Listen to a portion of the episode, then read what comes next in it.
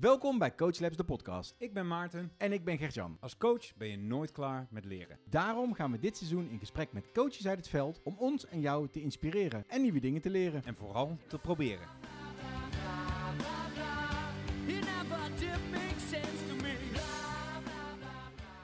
Welkom bij Coach Lab, de podcast. Ik ben Gertjan. En ik ben Maarten. En vandaag hebben wij te gast Marijn. Marijn. Welkom, leuk dat je er bent. Ehm, nou, we hebben je uitgenodigd. Eh, welkom in onze podcast. Eh, voordat wij zo meteen de inhoud induiken, willen we natuurlijk van jou even weten, wie is Marijn? Oké, ja, eh, dat moet ik nu natuurlijk heel kort en bondig gaan vertellen. Nee hoor, je mag Nee, lekker hoor. uitgebreid Oh, meteen. Oké, Ja. nou ja, ik ben Marijn. Ik ben moeder van drie meiden.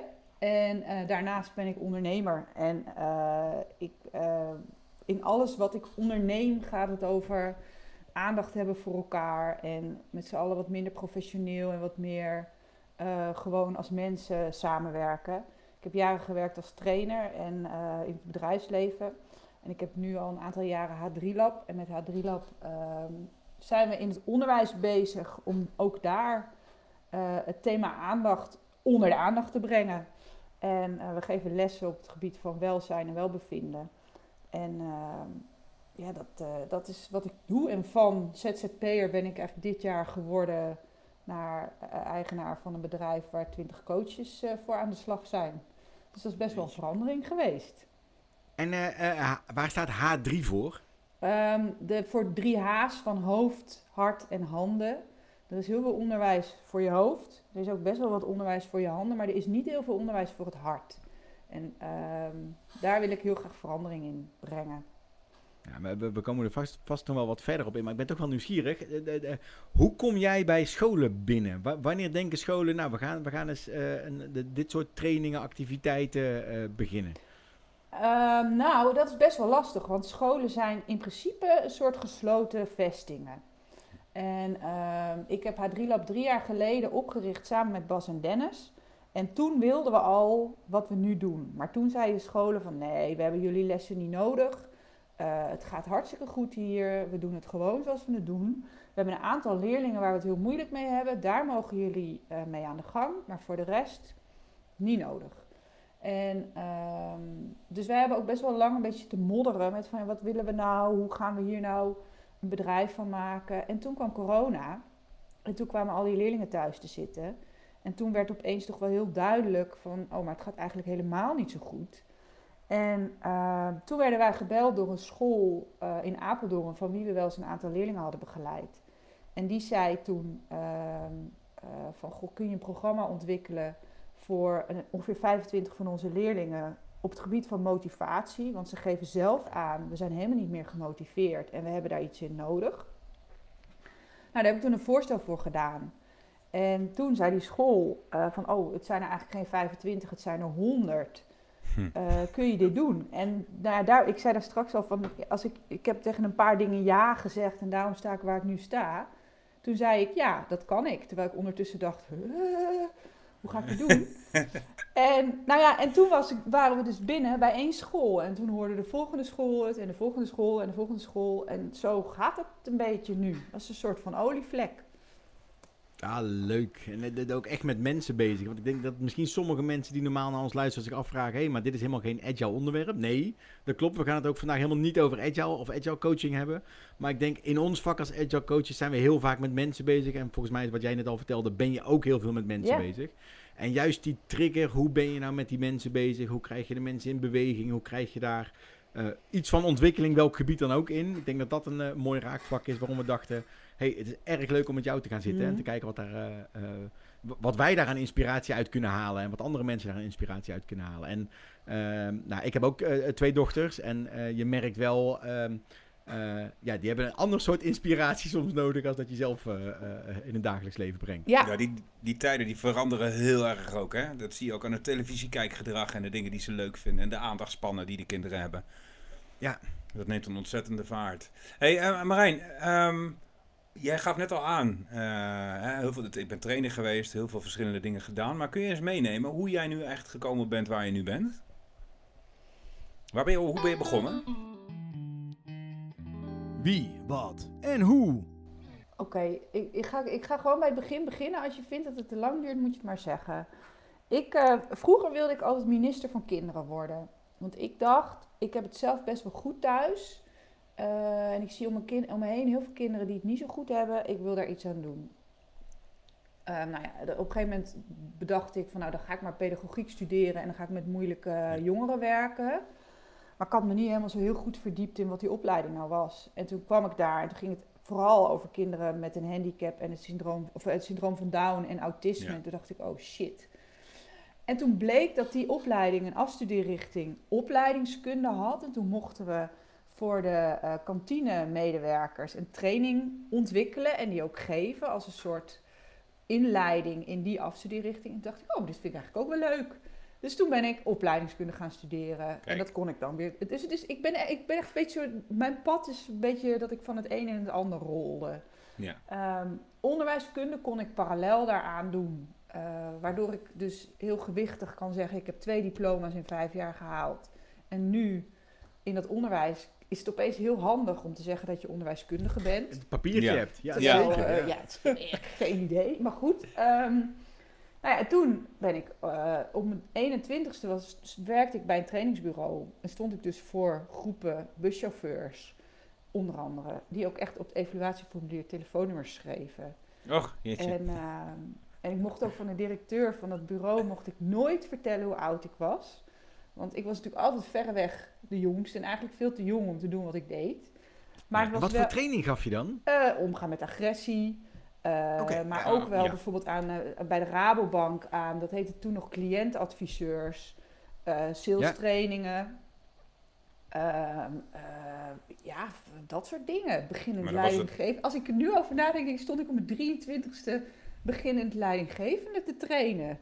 Ja, ik had zelf geen idee, maar eh, Als ik het dan zo hoor, dan zat het vooral in het overbrengen van een stuk kennis en inhoud naar een groep mensen die dat kunnen gebruiken. En dat proces, daar, ja, daar, daar was je heel druk mee bezig. Nou ja, het, het zit hem vooral in. Ik heb nooit het gevoel gehad, ik weet het beter dan jullie. Alleen ik weet veel van hoe je met elkaar om kunt gaan en hoe je daarin iets beter kan doen. En Ja. ja, ja dat. Dus dat heb ik een aantal jaar gedaan. En eh, op een gegeven moment bij een aantal bureaus gewerkt. Op een gegeven moment dacht ik, ja, maar wat ik hier voor bureaus doe, kan ik ook wel eens kijken of ik dat zelf kan eh, proberen. En toen ben ik dus als ondernemer begonnen met het Ja. idee van ja, als het niet lukt, dan zoeken we wel weer een baan. En eh, zo ook daarin ben ik, ik had met mezelf afgesproken, ik ga gewoon dingen doen die op mijn pad komen die ik leuk vind. Dus ik heb als freelance trainer gewerkt voor Schouten Nelissen. Ik heb mijn eigen opdrachten gehad. Ik heb een tijdje op een eh, afdeling opleidingen als interim manager gezeten. Ehm, en toen werd ik op, een- op een gegeven moment gevraagd als projectleider voor een project voor jongeren in Zutphen. En toen kwam ik weer een beetje in de wereld van de jongeren terecht. En dacht ik, oh, dit vind ik eigenlijk Ja. toch wel heel erg leuk. En nou, een tijdje later kwam ik Bas en Dennis tegen op een eh, bijeenkomst. En met Bas en Dennis heb ik samen H3Lab gestart. En eh, ik dacht, dat vind ik leuke gasten, met hen wil ik samenwerken. En eh, toen had ik opeens H3Lab. En toen, nou ja, het, het, is, het is, ik heb, er is niet ergens een heel bewuste keus geweest of een carrièreplan of zo. Nee, precies. Als we nu zouden vragen, we kijken eens vooruit, waar ben je over vijf jaar? Dan kun je allerlei Ja. afslagen genomen Ja. Ja, hebben. maar volgens, volgens mij zit ze dan wel op een plek wat ze heel leuk vindt en ook heel belangrijk vindt. Ja. Zeker, zeker, Ja. zeker. Ik heb het altijd, alles wat ik deed, vond ik heel leuk. Maar voor mijn gevoel doe ik nu ook iets wat echt, echt belangrijk. Want, als we hem dan eventjes eh, pakken, wat doe je nu? Nou ja, nu heb ik H3Lab Onderwijs. En met H3Lab Onderwijs verzorgen we, wat we zelf zeggen, lessen voor het leven op scholen. En dat eh, betekent dat we in klassen lesgeven aan eh, kinderen over thema's die hen bezighouden. Met als doel dat ze zich gewoon wat lekkerder voelen en dat ze zich vrijer voelen om te delen waar ze mee zitten en zich daardoor veiliger voelen op school. Dat is wat we doen. En daaruit vloeit dan voort dat we dus ook met docenten aan de slag zijn. En ook, dus we zijn echt in scholen bezig om eh, een verandering teweeg te brengen. Oh, daar wil ik eigenlijk nog wel veel meer over weten. Maar voordat we daar naartoe gaan, heb ik eigenlijk nog wel een andere vraag. Eh, is er iets wat jou de afgelopen tijd geïnspireerd heeft? Een boek, een, een, eh, een tip die je aan de luisteraars mee wil geven? Of iets wat je daarover kunt delen? Tip van de week. Ja, ik, er is niet één boek waarvan ik kan zeggen van nou ga dat nou eens even lezen. Maar wat, wat, wat En dat lost alle problemen op. Nee. Dat zou wel tof zijn. Dat er één boek is en je denkt, nou, als je dat gelezen hebt, dan weet je precies wat je moet doen. Ja. Ja. Nee, maar wat, wat, ik, wat, wat ik steeds meer heb geleerd de afgelopen tijd is waar ik eerder heel erg bezig was met ik moet iets doen omdat het zo hoort of, of ik, ik moet iets heel erg graag willen of ik wil iets heel graag, dus als ik maar hard genoeg mijn best doe, dan lukt het wel. Ehm, heb ik het vooral het afgelopen jaar heel erg geleerd om te vertrouwen op mijn intuïtie. Zowel in het werken met, met eh, nieuwe coaches, eh, want dat gaat elke keer heel goed en dat doe ik volledig op mijn gevoel. Uh, maar ook in het nemen van beslissingen. Ehm, ja zeggen tegen een school die eigenlijk een veel te grote vraag stelt. Ehm, dus, dus als mijn tip zou zijn, vertrouw, daar, vertrouw gewoon op je gevoel. En vertrouw op dat het wel komt. In plaats van dat je heel krampachtig je best gaat zitten doen ergens voor. Ja. Oh, er zijn volgens mij hele hordes aan mensen die in uh, therapie, coaching en gesprekken zitten om juist dit stukje weer een beetje terug te vinden. Mm -hmm. Leren op je gevoel vertrouwen. Ja, dat heb ik ook niet mooi. zo van de een op de andere dag gekregen hoor. Dan moest ik ook wel de nodige. Nou, ik had het al laatst met iemand over. Die, die had het over, nee, joh, je moet gewoon uitgaan van je eigen kracht en vertrouwen op jezelf. Dat is wel goed. Maar ik kwam erachter dat. Um, het is een beetje hetzelfde als dat ik tegen jou of Gert-Jan zeg: joh, 200 kilo squatten, dat kun jij wel. Mm. Dat daar keihard werken, keihard trainen, heel veel spierpijn en heel veel oefening voor nodig is, moet daar wel even bij gezegd Mhm. worden. Dus dat, dat, dat leren op jezelf vertrouwen, althans, ik, ik, het lukt mij ook steeds beter. Het is wel hard werken hoor, totdat je dat steeds meer gaat leren. Ja, en het vraagt ook echt lef. Ja, En niet, niet, ik wil daarmee niet zeggen van, oh, moet je mij eens even zien wat een lef ik heb. Maar het is elke keer weer ga naar, oké, maar dit is, dit is wat de buitenwereld zou doen, denk ik. Maar het voelt anders. Nou, dan ga ik toch dat Ja. andere doen. Ja, want het klinkt een beetje als je hem, je kan hem ook vertalen dat je zou zeggen, je moet alles doen wat op je pad komt, maar volgens mij bedoel je dat niet. Nee, je Volgens moet mij is het alles gewoon- doen wat goed voelt, wat op je pad Juist. komt. Alles Ja. waarvan Ja, jij het kan ook zijn dat je nee moet zeggen. Ja. En nee zeggen tegen... Ik zeg nee tegen opdrachten waar ik veel meer geld mee kan verdienen... dan de dingen waar- die ik nu doe. Maar Ja. dat komt omdat ik, wat ik, het gevoel wat ik nu doe is belangrijk.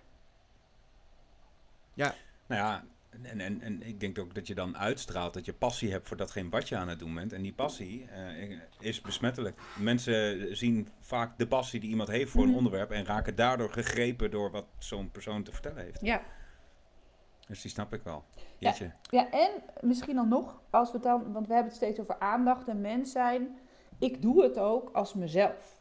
Ik doe het niet als iemand die een directeursjas aan heeft... of die ondernemer is en een hele grote businessplan heeft. Ik doe dit als Marijn. En dat is de enige manier waarop ik het kan doen.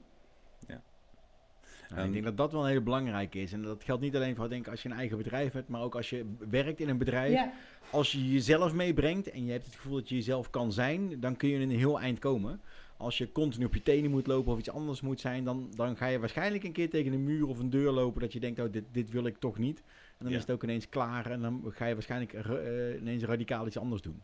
Dus ik denk, de, de- op het moment dat je je op je gemak voelt, en, en volgens mij zijn jullie dat met, met, met de trainingen die jullie doen ook, daar zorgen jullie Mm. volgens mij heel erg voor, dat mensen zich op hun gemak voelen en zich, zich comfortabel voelen en, en zich open kunnen stellen en lol kunnen hebben, maar ook, ook eh, gevoel kunnen delen. mhm. Eh, en als dat lukt, ja, dan, dan heb je een hele mooie basis gelegd, denk ik. Nou ja, en die, als je dan weer hebt over, dit gaat niet over agile, maar dit kan ook één op één naar het bedrijfsleven. Want ook Ja. daar als manager, hoe meer je jezelf kan zijn, hoe meer je jezelf ook durft te laten zien, maar ook als professional, hoe fijner je kan samenwerken. Zeker. Hoe transparanter het ook wordt, Ja. hoe eerder je ook Ja. weet van elkaar wat je hebt. Ik heb daar met mijn dochters, die zitten eh, 15 en 16 jaar zijn, dus die zijn lekker de wereld aan het ontdekken en zichzelf aan het meten aan hun hele buitenomgeving. Die komen er ook steeds meer achter dat hoe meer ik mezelf ben en blijf, hoe meer ik de mensen aantrek die mij ook leuk vinden om wie ik ben. Met als gevolg dat dat per definitie de juiste mensen zijn om om je heen te verzamelen. Mhm, mhm. De vraag die ik aan jou nog wel heb, Marijn, is... eh, het, het, het is heel mooi, vertrouwen durft ook wat los te laten, maar ben je daar ook vaak in teleurgesteld? Heb je je neus vaak gestoten met zo'n houding? Hmm. Nee, maar dat komt omdat ik het. Ik, ik doe het ook nog niet zo lang. En misschien, nou ja, en, en misschien doordat ik het zo op mijn intuïtie doe, word ik ook niet. Weet ik niet. Ik heb nu een beetje Ja. de overtuiging dat ik niet teleurgesteld ga worden. Eh, want ja, misschien dat het wel een keer tegenvalt, maar dan is dat weer een les. Ja. Ehm, nee, ik ben daar niet in teleurgesteld eigenlijk. De reden waarom ik dit vraag is, er zijn, ik, ik, ik ken verschillende soorten mensen met een verschillende blik in het leven. En sommigen zeggen, nee, je moet per definitie wantrouwend zijn, want eh, je weet nooit wie wat van plan is. Nou, ik, dat lijkt mij een hele vermoeiende manier van kijken, Mm. want dan ben je continu op je hoede. Ik heb liever, ik ga uit van het goede en af en toe word ik eens teleurgesteld en Ja. leer ik wat van. Nou ja, prima. Dus vandaar die vraag. Ik denk, als je inderdaad vertrouwen op en durft wat meer los te laten daarin, eh, heb je dan daarin al wat teleurstellingen te verwerken gehad. Maar dat is nog niet zo dus. Nee, maar ik zit bijvoorbeeld ook nog een fiets op slot en die is ook nog nooit gejat. Nee. Wat, voor, oh, wat ja, voor fiets nee. heb je? Is het een Van Moof of is het nee, een... eh, nee, nee. nee, maar ook niet een heel oud barrel of zo hoor. Ja, oké. Jeetje.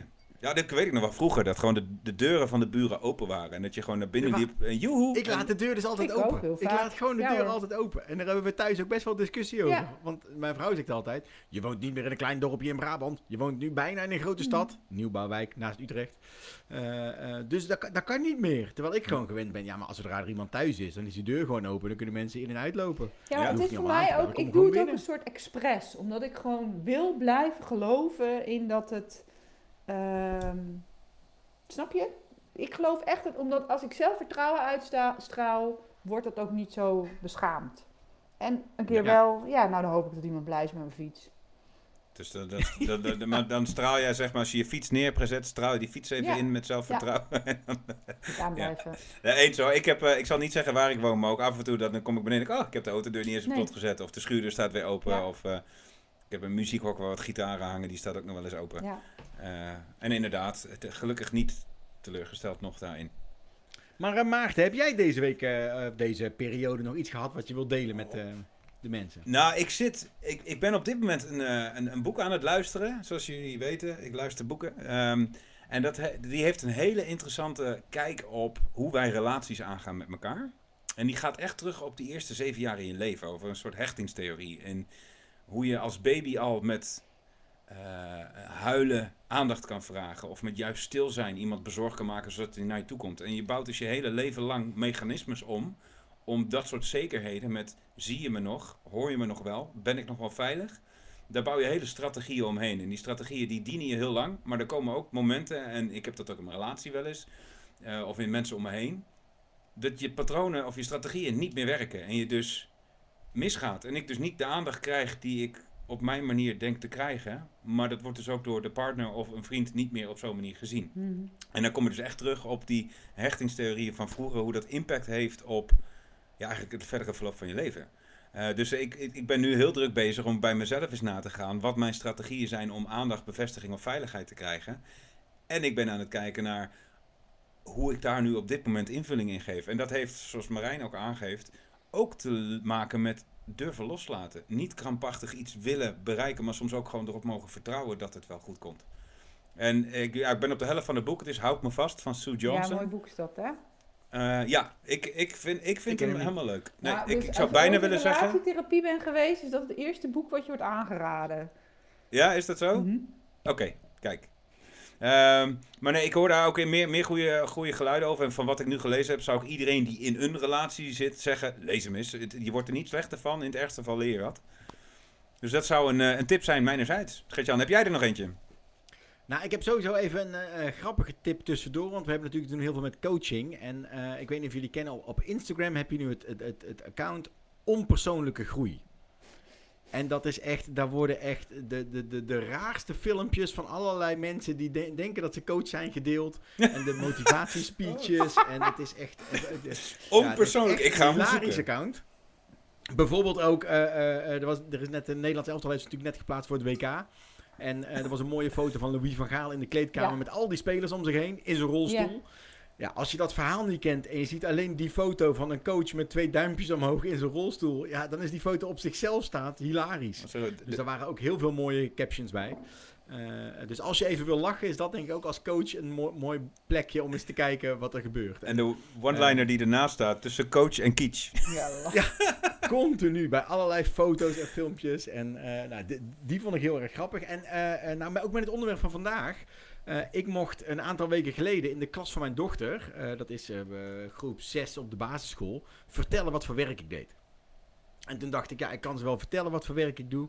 Maar laat ik ze eens een beetje meenemen in een paar oefeningetjes. Dus ook eh, een aantal van de energizers die wij gebruiken wel eens maar, dat heb ik daar ook gedaan. En eh, dat was echt heel erg leuk om met een groep kinderen te doen. En eh, ehm, eh, uiteindelijk hadden ze dan zoiets van: oké, maar dus jij bent de persoon die opdrachten geeft aan mensen om bepaalde dingen te doen. Ik zei: nee, dat niet helemaal. Maar ik coach wel mensen in wat we in Agile Product Owners noemen.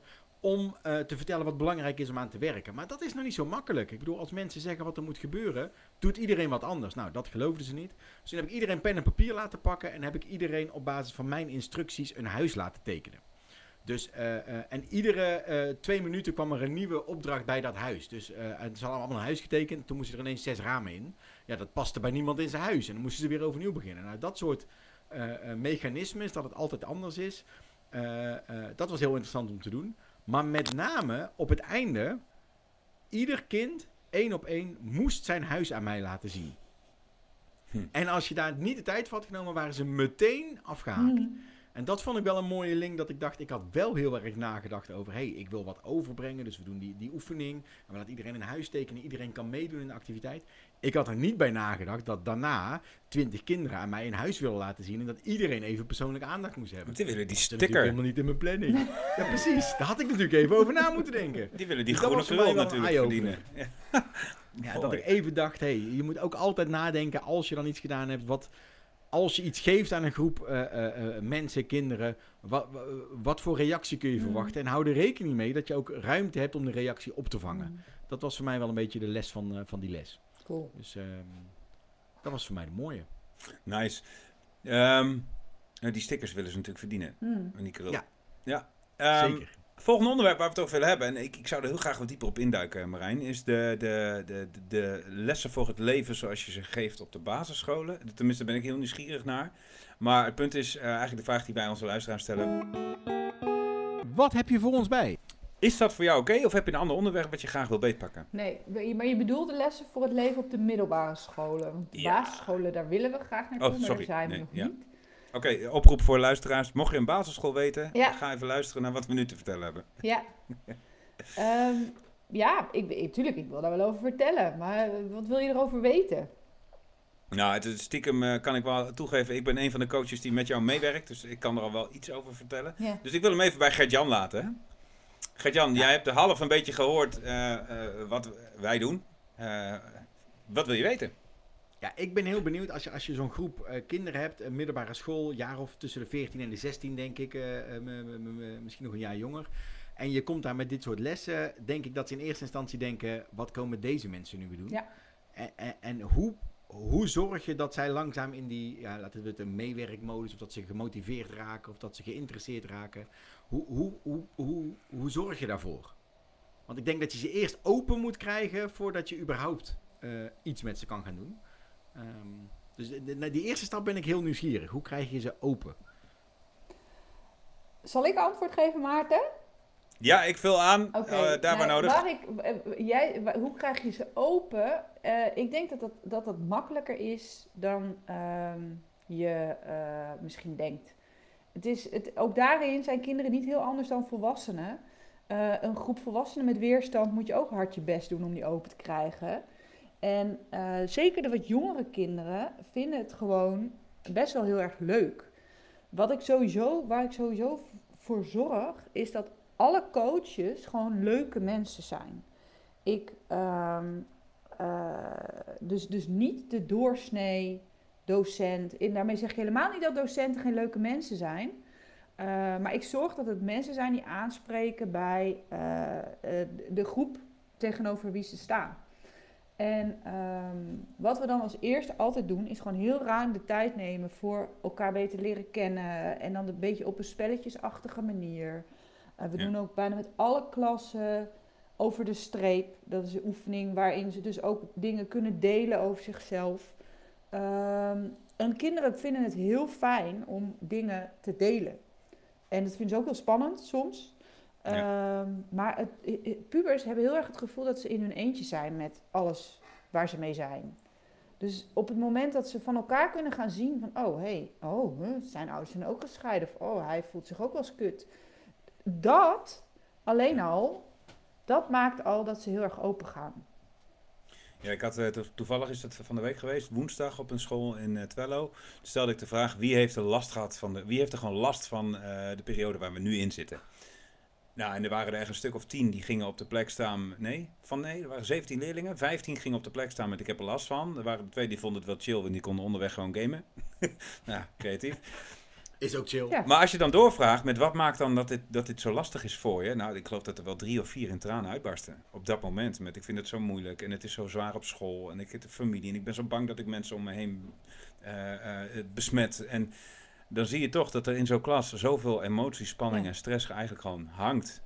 En dat als je echt vertraagt en het daarover hebt, dus inderdaad het hebt over gevoel, hoeveel je los kan maken bij die kids. En hoeveel ze het gevoel hebben dat ze het erover kunnen hebben. En dit is die, ehm, en dat kreeg ik nog terug van een mentor, dat die kunnen meedraaien in deze lessen. Dus die Mm. zien, zonder dat ze met de les bezig zijn, heel veel dynamiek. Dus dat is voor hun voer om straks met die klas weer op door te pakken. Ja, En als je dan kijkt, hè, want dan, dan, nou, de, de- jullie nemen in het begin ruim de tijd om elkaar te leren kennen en te zorgen dat je, de- de- dat je die relatie creëert. En dan, wat voor elementen zitten er in zo'n programma of zo'n zo'n periode wat je, wat je opzet? Ja, dat, het wisselt. Het wisselt. We, hebben, we hebben een heleboel lessen over verschillende thema's. En dat zijn thema's van drugs tot loverboys, tot omgaan met teleurstellingen, stress, eh, vluchtelingen, nou, verzin het.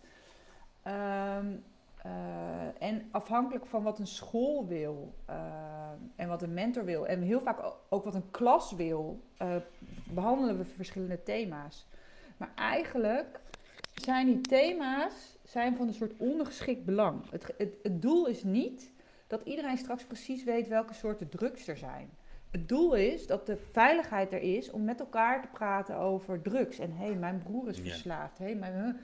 Dus het, eh, ehm, eh, onder elk, elke les is elke keer het doel, eigenlijk wat Maarten zegt, vertragen, ruimte maken voor het gesprek erover. In plaats van maar doorgaan, want vandaag moet hoofdstuk 3 af. Ja, je moet eens kijken wat er gebeurt op het moment dat jij... Hè, Gertjan, jij kent hem, de Fist of Five, met wat vinden wij van... eh, wat vond je van de les? En dan was sommigen zeiden, geef wel eens een 1. Dan moet je eens opletten als je dan vraagt van... Hé, hey, wat maakt dat je een 1 geeft? En dan zie je een aantal reageren... Oh, dat kun je niet zeggen. En ik probeer ze altijd uit te nodigen. Dat ik dan, dat ik dan uitspreek... ehm, ehm, wat fijn dat je dit aangeeft. Mm. Wat goed. Wat, wat heb jij een lef? Want je bent de enige die een ander zei. Wat super dit. En hoe kan ik nou de les voor de volgende keer voor jou nou nog interessanter maken? En dan zie je zo'n leerling echt in één opmerking. In één keer denken, oh, dus het is oké als ik zeg wat ik vind. Wauw. hmm. En hij wil ook nog weten hoe ik het leuk... En dan zie je dat er in één keer zo'n omslag is. Waarbij hij denkt, nou, daar zou ik wel weer commentaar over krijgen naar eigenlijk een soort uitnodiging. Wat dat, wat dat beweegt. Prachtig om te zien, vind ik Mm. dat. Weet, weet Maarten ook, ik ben heel erg fan van het boek Grip. Mhm. En het boek Grip begint eigenlijk met: We hebben nooit geleerd hoe we moeten werken. En volgens mij ge- geef jij ook aan, eh, Marijn, we hebben nooit echt geleerd hoe, hoe kunnen we nou eh, met ons hart eh, eh, ehm, eh, omgaan. En hoe kunnen we nou emoties delen en dat soort zaken. Mhm. Eh, en ik denk dat dat wel een hele mooie is om beet te pakken. En, en, en dat dat ook echt iets is wat we in scholen, klassen missen. Ja. En zeker ook nu, maar in allerlei type discussies die we de afgelopen jaren gehad hebben, dat die daarom misschien wel zo verhard is. Omdat niemand gewend is om nou, dat vertragen, zoals jullie het net al mooi omschrijven. Ja, maar Ja. en durven te laten zien dat je kwetsbaar bent. Tegenwoordig als iemand eh, zich een paar dagen rot voelt, moet er meteen een label op en moet hij naar een psycholoog. Eh, Terwijl het gewoon met elkaar hebben over ik voel me rot en wa- want dit of dit. Dat wordt bijna niet gedaan. Want stel je voor dat je je kwetsbaar moet opstellen en dan, oh dadelijk moet je ook nog huilen. Zeggen scholen ook echt hoor. Van ja, maar jullie gaan een beerput openmaken Ja. en vervolgens moeten we er wat mee. En dan zeg ik altijd, ja, maar wat als die beerput dicht blijft? Ja. Kan toch niet? Nou, het mooie is denk ik dat sommige scholen denken, ja, maar sommige beerputten die blijven gewoon dicht en die gaan zo vrolijk weg. Ja, ja. Hebben wij er geen last meer van. nee, en dan gaat Ja. die beerput ergens anders verder. Wil je dat dan?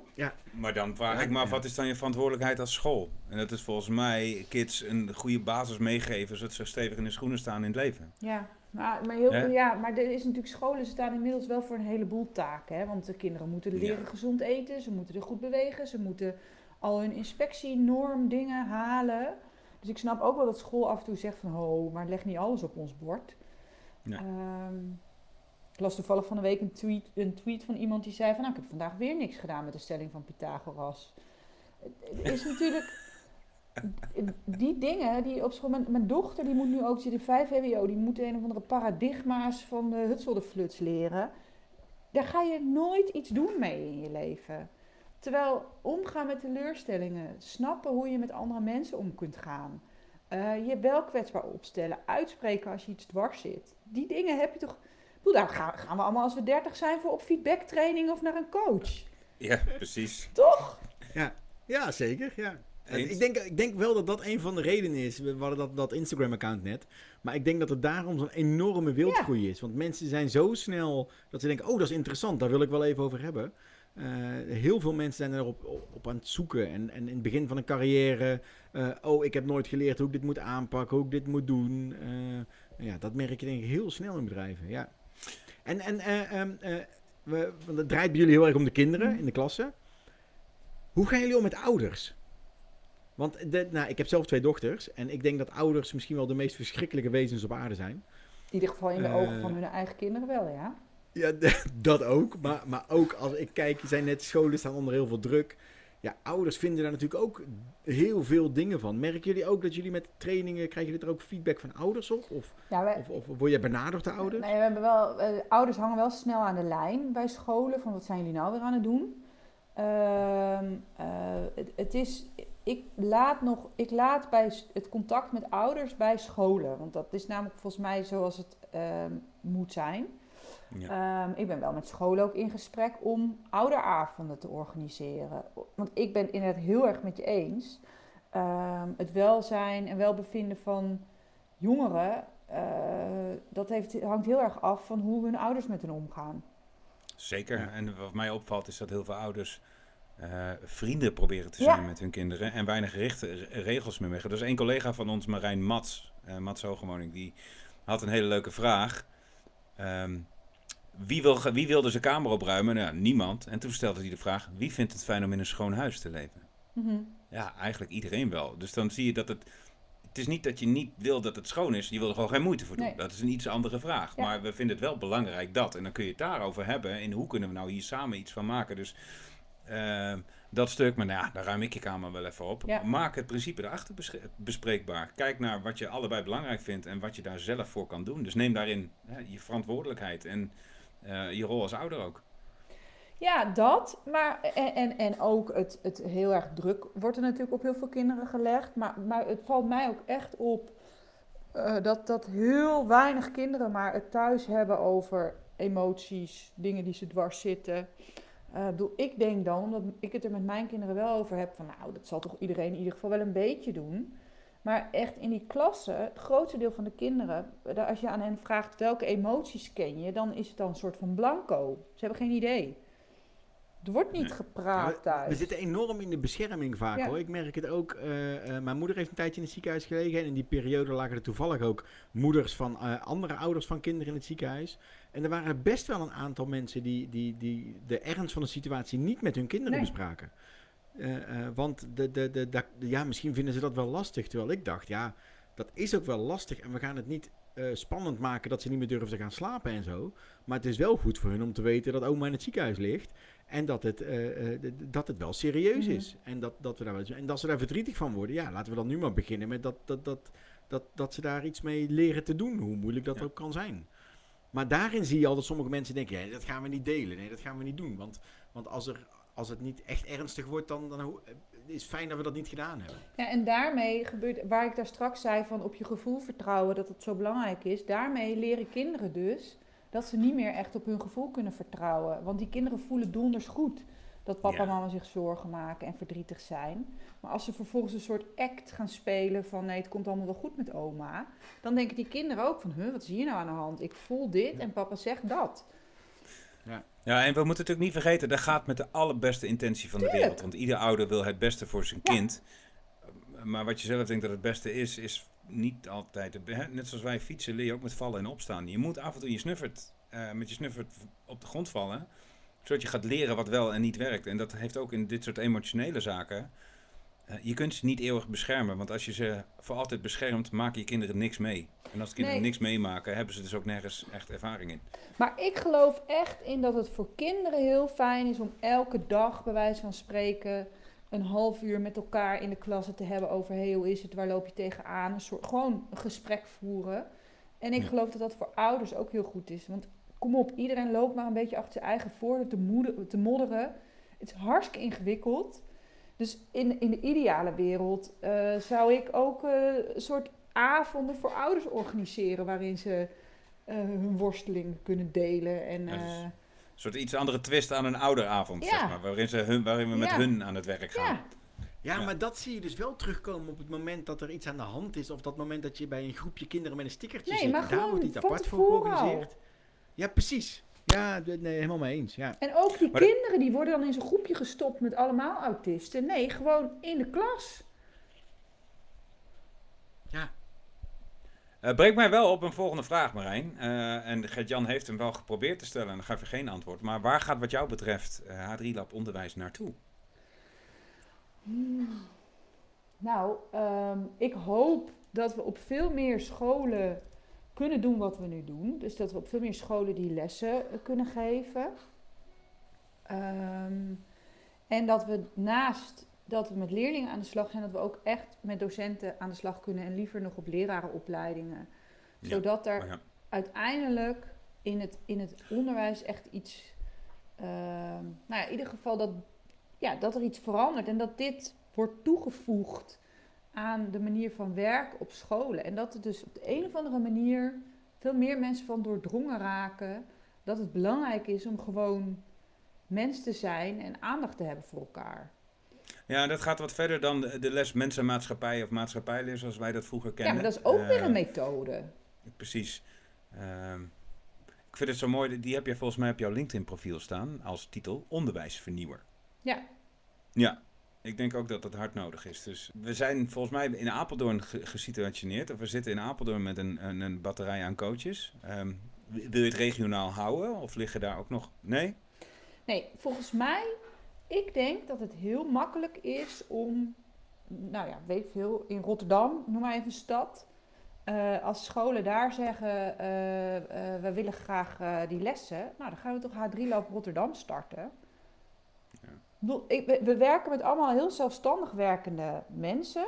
Het gaat vooral om het organiseren ervan. Mhm. Nou, en of je dat nou in Apeldoorn organiseert of in, in Rotterdam, dat is niet heel lastig. Ja. Denk Ja, ik. dus hoe, hoe, eh, praktisch, hoe kunnen mensen met jou in contact komen? Als, stel je voor, er zit een luisteraar. Ik, ik ken er een aantal eh, uit mijn persoonlijke netwerk die erg nieuwsgierig zijn naar, naar, naar dit traject. Eh, dus stel mensen zeggen, dit lijkt me gaaf, ik wil me er wel bij aansluiten en ik wil best meedenken over hoe we dit eh, eh, niet alleen in Apeldoorn, maar ook in andere gebieden kunnen gaan ontplooien. Hoe eh, wil je dat ze contact opnemen? Nou, het makkelijkst nu is nog via LinkedIn, via h3labonderwijs.nl. Of niet.nl, maar die website ben ik mee bezig. Dat is dus een van de dingen als je een soort bedrijf aan het bouwen bent zonder dat je van plan was om een bedrijf te bouwen. Dan duurt het best lang voordat een website opeens in de lucht is, omdat er ook zoveel andere dingen ook moeten gebeuren. Dus via LinkedIn is het fijnst. Ja. En, eh, Maar dat is ook mooi dan, hè? Want dan blijkt dat als, als alles gaat lopen, is die website helemaal niet zo belangrijk. nee, want het, het, Want het loopt Ja, al. het loopt dus waarom al. zou je dan een website Ja. maken? Ja. Ja, precies. Ja. Dat kost alleen maar weer tijd en die tijd die steken, steken we liever in het helpen van kinderen. precies. Ja. Weet je? Nee, ik, eh, de- de- eh, ik vind het inderdaad echt inspirerend dat je op een andere manier kinderen, jongeren, zoals je net zei, is misschien nog wel een betere term, eh, wil, wil, wil, wil leren om te gaan met alles om hun heen en vooral met mensen om hun heen. Hoe ga je nou met elkaar om? ja. Eh, dus ik denk dat dat een hele mooie is. En ja, de, de laatste stukje van onze podcast is dan eigenlijk, heb je daar een wijsheid voor die we op een tegeltje of iets dergelijks zouden kunnen plakken? Een tegeltjeswijsheid. Jemig. Je hebt er al een paar gedaan hoor, dus ik had wel een paar keer dat ik dacht, oh dat is een mooie. Oh ja? Ik heb ze niet opgeschreven. Oh. Ja. Nou ja, weet je, ik kan, misschien moet je er maar zelf een wijsheid uitfilteren. Ehm, eh, wat, ik, wat ik merk is, ook in het onderwijs, dus hier, is dat, dat je, als je meegaat met de flow, dan gebeuren er vanzelf hele mooie dingen. In plaats van, want ik heb, ik heb echt wel op die deur staan bonzen van doe nou open, want ik wil. En er ging echt niemand open doen. Dus ik geloof dat op het moment dat het gewoon, dat als een school belt van we zijn geïnteresseerd, dat dat het moment is om eh, aan de slag te gaan. En dat er dan daar ruimte voor is. In plaats van dat ik mijn programma overal er kom doorduwen. Ja. En ik geloof echt dat je het onderwijs verandert door gewoon te gaan doen in plaats van er heel lang over te praten. Maar gewoon binnen je cirkel van invloed kijken wat je kan doen. In plaats van op hoog niveau eh, allerlei beleidsgesprekken erover te gaan voeren. Ik, zie, ik, hoor in je hele verhaal ook allemaal parallellen die wij ook gewoon weer bij onze huidige opdrachten kunnen toepassen. Ja. Dus niet lullen maar poetsen. Ga bewegen. dat Gaandeweg kom je erachter. Ja. Ja. Jeetje. Ja, en als je Dankjewel, poetsen- Marijn. Oh, sorry. Ja. Nee, ga je gang. Nee, nou ja, je zegt niet lullen, maar poetsen. En al poetsende merk je wel van, oh, oh, oh, het moet toch een beetje anders. En dan ga je het weer anders doen. Ja. Ja, sta open voor eh, nieuwe Ja. inzichten. Dat is altijd een mooie. Ja. Ja, dus ik heb opgeschreven wat er. De, als je meegaat met de flow, gebeuren er vanzelf mooie dingen. Ja, Ik denk dat dat een hele mooie Oh. is. even een wijsgeer uit Zutphen. Ja. Ja, precies. Ja, we gaan, hem, we gaan hem ook delen op onze Insta-account. Die, eh, die zijn we een beetje leven aan het inblazen. Daar komen die tegeltjes wijsheden voorbij. Oké, cool. Dankjewel. En eh, nou, het klinkt als... eh, volgens mij is dat eh, ehm, ehm, ehm, eh, Bas Menning en Dennis Leusveld, hè? Dus misschien is het ook Ja. nog wel leuk om die heren nog eens een keer te benaderen. Ja, maar Marijn, mag ik jou ontzettend danken. allereerst voor de ontzettend prettige samenwerking. Maar twee, voor het feit dat je hier te gast wilde zijn en je verhaal wilde doen. graag gedaan, hartstikke leuk. Dank voor de uitnodiging, mannen. Graag gedaan. Ja, en voor de luisteraars bedankt voor het luisteren. En wij hopen jullie natuurlijk weer een volgende keer te horen of te zien. Of Ja. Op wat voor manier dan ook in contact te komen. Tot de volgende keer. Tot de volgende keer. Wil je meer weten over CoachLab, een keer te gast zijn in de podcast, meedoen aan een meetup of gewoon iets aan ons kwijt? Ga naar coachlabs.nl.